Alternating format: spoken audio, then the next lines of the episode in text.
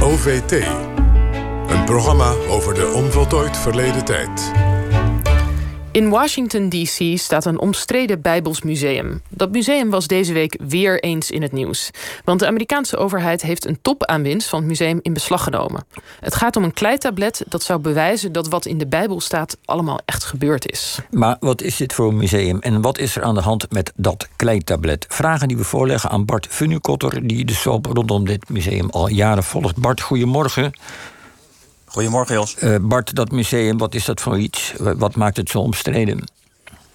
Uh, het is het museum van, het museum van de Bijbel is in 2017 geopend. Het is het museum van uh, David Green, een Amerikaanse miljardair die heel rijk geworden is met een uh, keten van knutsel- en hobbywinkels.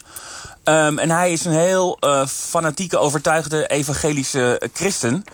En hij wilde dus een museum oprichten waar hij zijn steeds maar groeiende verzameling uh, kwijt kon van artefacten uh, uit het Heilige Land.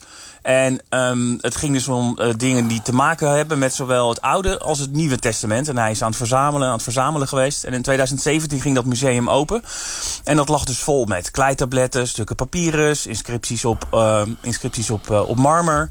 En uh, nou, dat leek allemaal prachtig, maar al heel gauw uh, pakten zich uh, behoorlijk donkere wolken boven dit museum samen. Omdat uh, bleek dat een groot deel van de collectie um, dan wel gejat, dan wel vervalst was. Ah, kijk. En, en nu is dat dus ook weer aan de hand hè, met dat kleitablet. Ja. ja vertel, wat is er gebeurd? Wat is er misgegaan? Nou, dit kleitablet is een, een fragment uit uh, het Gilgamesh-epos. En het is niet zozeer dat dit fragment nu bewijst uh, dat uh, de Bijbel echt gebeurd was. Maar het Gilgamesh-epos is belangrijk voor de Bijbel... omdat in het Gilgamesh-epos ook de zonvloed voorkomt. en vandaar dat het ook interessant is voor mensen die geïnteresseerd zijn in de Bijbel. Dit fragment ja.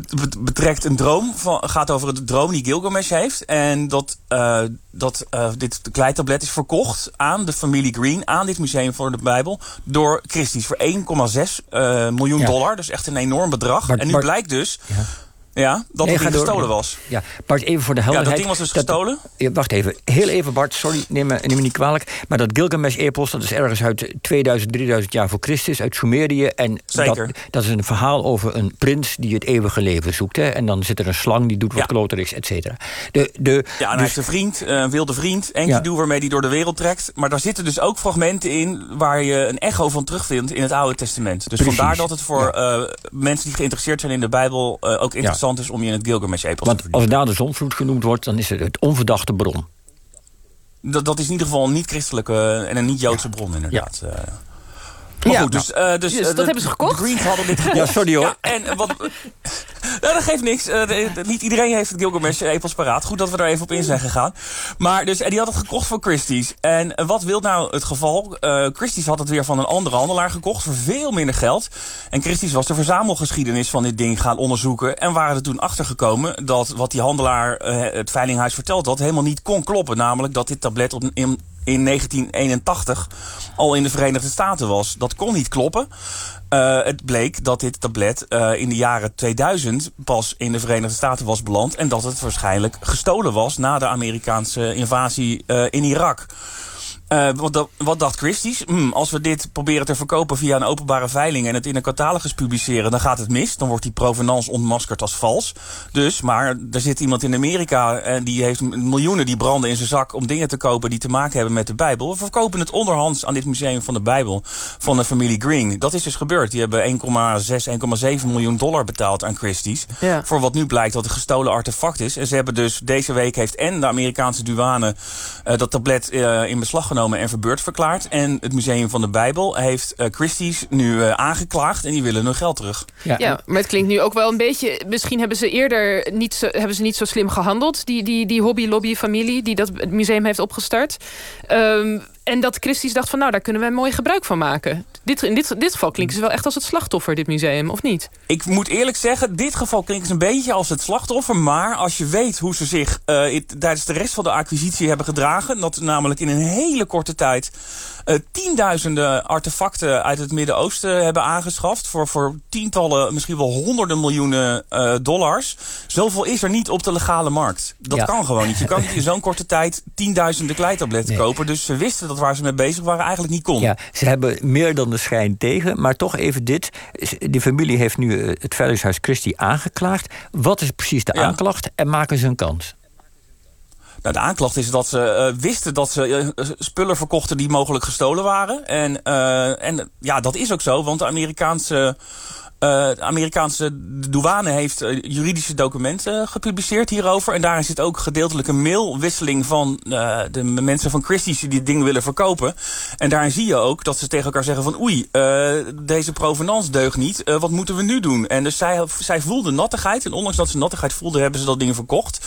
Dus ik denk dat de familie Green in deze wel een kans heeft. Dat staat los van het feit dat ze inmiddels al bijna 15.000 uh, artefacten hebben moeten teruggeven aan Irak uh, en Egypte. Omdat daarvan vaststaat dat ze gestolen ja, zijn. En dus wat... uh, hele zielige slachtoffers zijn het niet. Nee, maar wat is hun eis? Wat willen ze? Sma, sma, ze willen hun geld terug plus advocaat. Ja. dus ze willen geld terug plus advocatenkosten. Dus, gewoon, dus dat, dat, dat, valt, dat valt nog mee. En dat, ja, het is, wat ik zei, ze kunnen, ik, ik denk echt dat ze een goede zaak hebben. En misschien dat ze er later nog wel meer uit proberen te slaan. Maar voorlopig is dit hun inzet.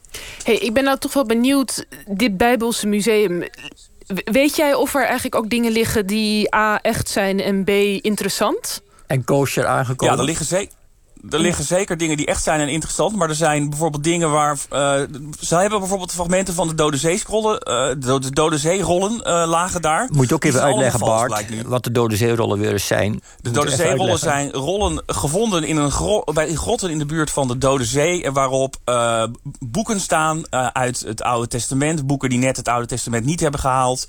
En geschriften die iets, ons iets leren over de laatste 300 en de eerste 100 jaar van onze jaartelling. Over hoe toen de de Joden uh, leefden religieus.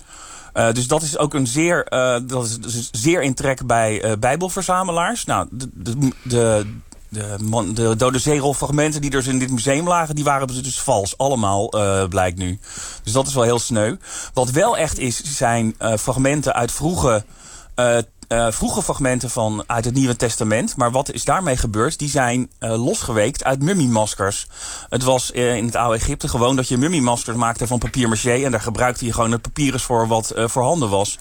En binnen de oudheidkunde is het eigenlijk nat dan om mummiemaskers te slopen... om te kijken of daar nog uh, interessante papyrusfragmenten in zitten. Maar dat is dus wel gebeurd, want de familie Green interesseert zich niet voor mummiemaskers... maar wel voor fragmenten uit het Nieuwe en Oude Testament. En flink wat van die uh, fragmenten zijn dus uh, geplunderd uit, uit mummiemaskers... die ze weliswaar legaal verkregen hebben, maar vervolgens dus gesloopt. dat is wetenschappelijk niet helemaal in de haak. Maar wel op zich interessant. Ja. Maar ja, op zich interessant. Ik dacht ook, ja, hm, het is wel interessant. Maar ja, het mag, je mag zo'n mummiemasker eigenlijk niet slopen. Dit is meer een ethisch dilemma van wat doe je met spullen die je hebt. Ja, het is een goed recht om dat uit elkaar te halen. In een museum of aan een universiteit zal dat nooit gebeuren. Maar ja, als je het eerlijk gekocht hebt, uh, dan, uh, dan mag je dat doen als je wil. Maar uh, daarvoor staat, deze familie staat er niet goed op binnen de gemeenschap van papierologen en archeologen. Behalve bij de papierologen en archeologen die wetenschappelijke sier maken met het publiceren van teksten die door de familie Green zijn aangekocht. En daar is ook best wel veel uh, onmin over binnen de gemeenschap. Want elke keer als je zo'n tekst van een familie uh, publiceert in een wetenschappelijk tijdschrift, dan gaat de waarde ervan wordt maal 10 of maal 100. uh, dus op die manier het stempel dat sommige wetenschappers gaven aan de collectie van de familie Green, heeft die collectie ook veel kostbaarder gemaakt. Dus het leidt tot redelijk wat, heeft tot redelijk wat discussie geleid binnen de gemeenschap van papierologen en archeologen. Nou, het klinkt als een soap die nog lang gaat voortduren. En we, we zullen ja, je. Het is, het, is, een, ja. een, het is een ingewikkeld verhaal, maar het, het is in ieder geval om van te smullen. Of, of van te huilen, zo je wil. Dankjewel, Bart Funekotter, voor de toelichting.